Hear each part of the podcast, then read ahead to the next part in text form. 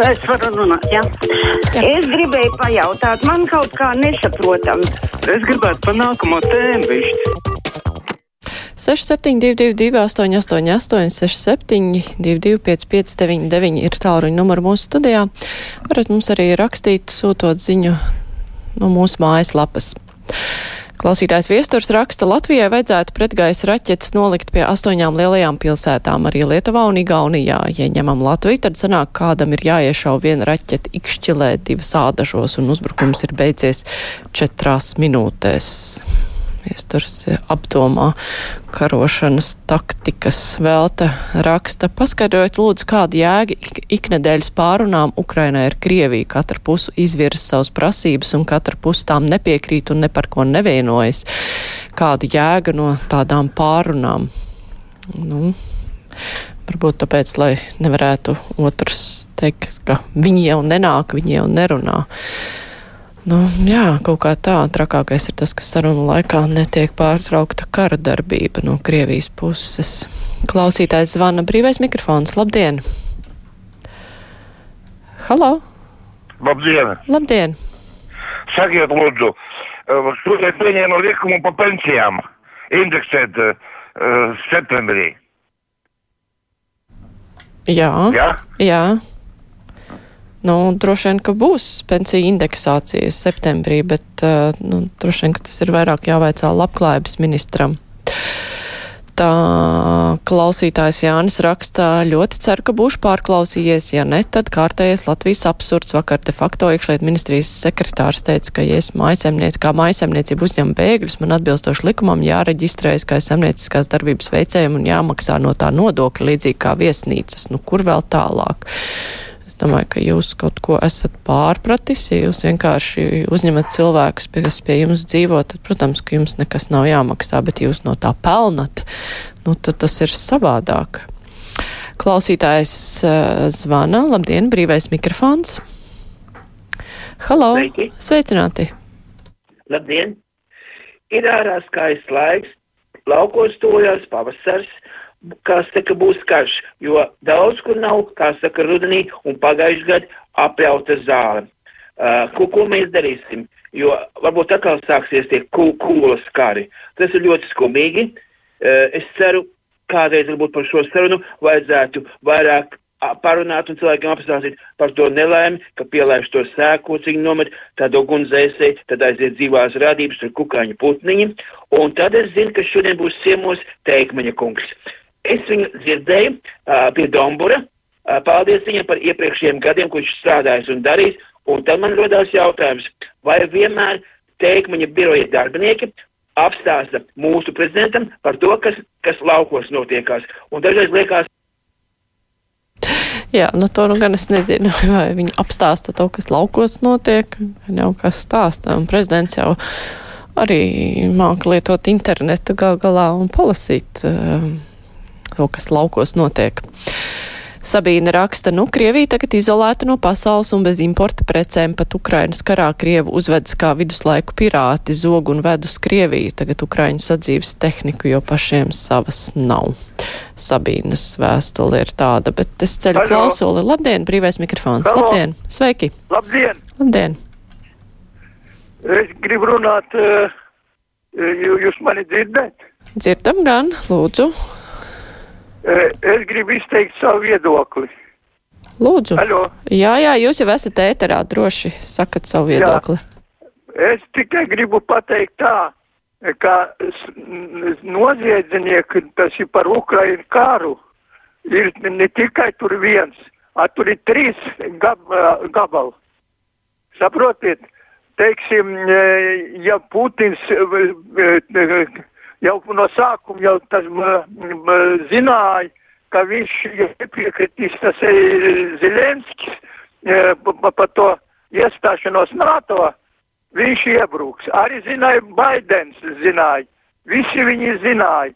Un tur vajadzēja spiest uh, uz to Putiņu, Baidenim un uh, Zelenski nevis uh, varonīgi kliek, ka es nekur ne, ne, neko ne, neņemšu vērā. Un tur sanāk, kā visi viņi slepkau.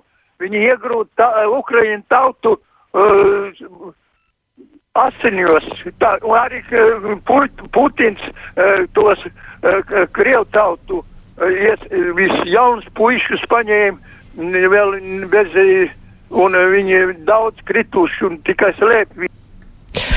Jā, nu paldies par uh, jūsu ieskatu. Klausītājs, uh, klausītāja Anna raksta, Putins ir vēl nožēlojamāks nelietis, gaidīja sākt uzbrukumu, kamēr beigsies parastās olimpiskās spēles, taču nospļāvās uz paraolimpiskajām spēlēm. Un man šķiet, ka viņš nospļaujās gan uz pilnīgi visu, sākot savu karu. Ceļu klausuli, brīvais mikrofons, labdien! Labdien! Sveiki!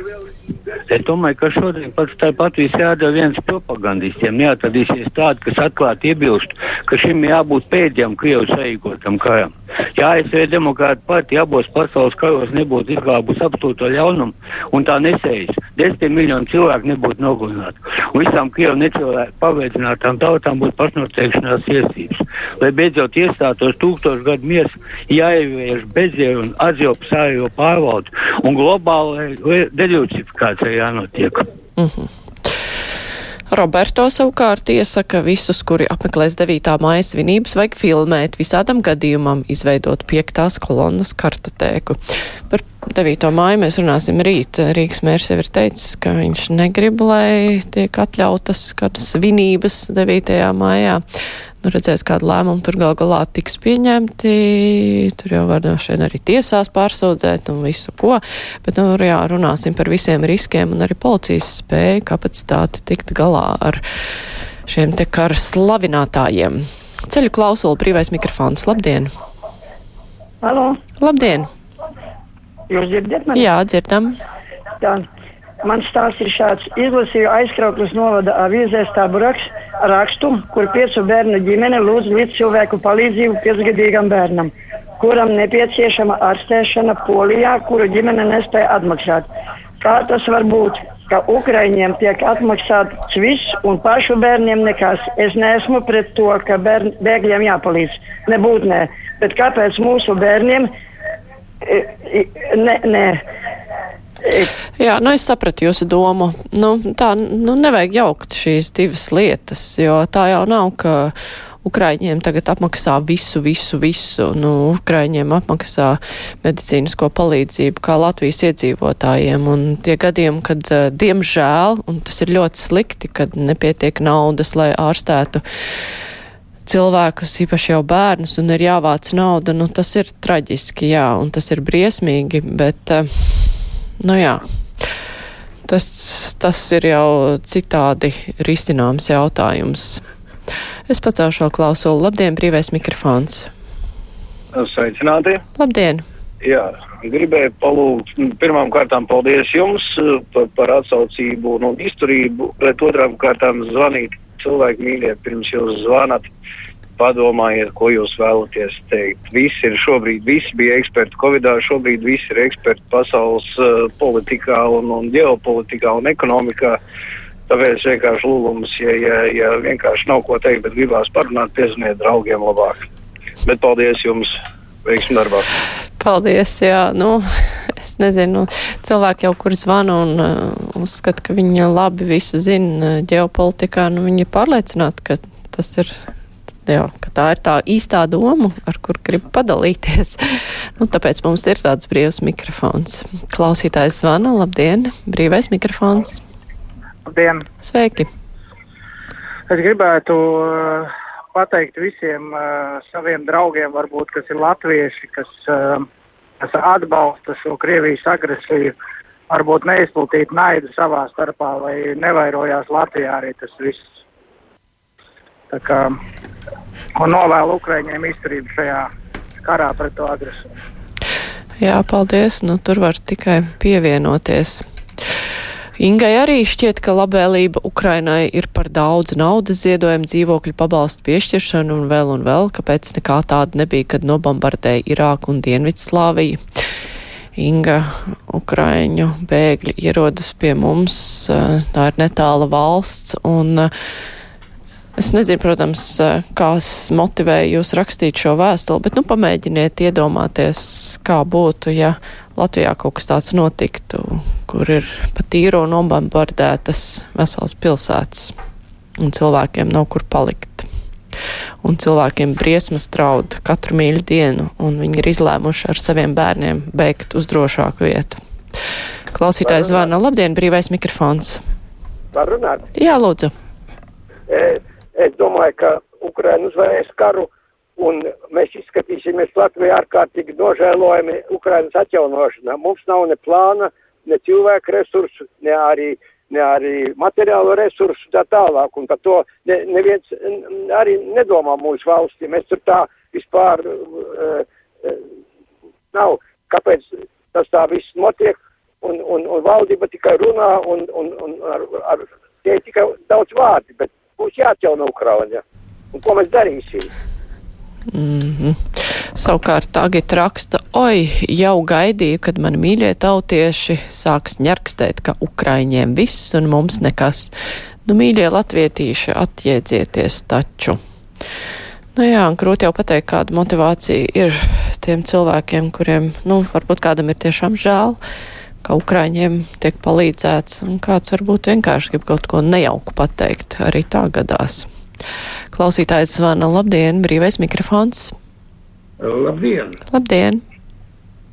Kad Stalins karoja ar Hitleru, jeb otrādāk, ja, tad ne uz kādām pārunām nekur negāja. Es uzskatu, ka, ja nesanāca pirmais rauns, nu, nevajadzētu Zelenskim klanīties pret to slepkavu Putinu. Es esmu pilnīgi pārliecināta, ka Zelenskis jau neklanās. Un tas, kā Ukraiņi stājas pretī Krieviem, nu, tas tur tikai cepurinos un ne par kādu klanīšanos tur vispār nav runa. Klausītājs zvana, brīvais mikrofons.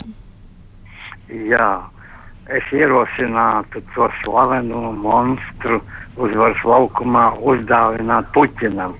Viņi varētu uz 9. māju aizvest uz Maskavu vai Paskavu vai kaut kur tūmā. Un tad viss šie svētums cienītāji Rīga. Nē, nu jā, skaisti tā man grūti aizvedama. Jānis savukārt raksta, spriežot pēc standarta demagoģijas, tā bija nevis Inga, bet Kremļa aģents Ivans. Tā mums raksta klausītājs Jānis. Paldies visiem, kuri rakstīja, paldies visiem, kuri zvanīja. Rīt eh, mēs runāsim vairāk jā, par 9. māja svētkiem, eh, kas te tradicionāli notiek un kas šogad šķistu īpaši nepatīkami. Tā kā par to varēsit izteikties un rakstīt arī rīt. Bet tagad būs ziņas un nākamajā stundā saruna ar prezidenta kanclēs vadītāju Antru Tegmani.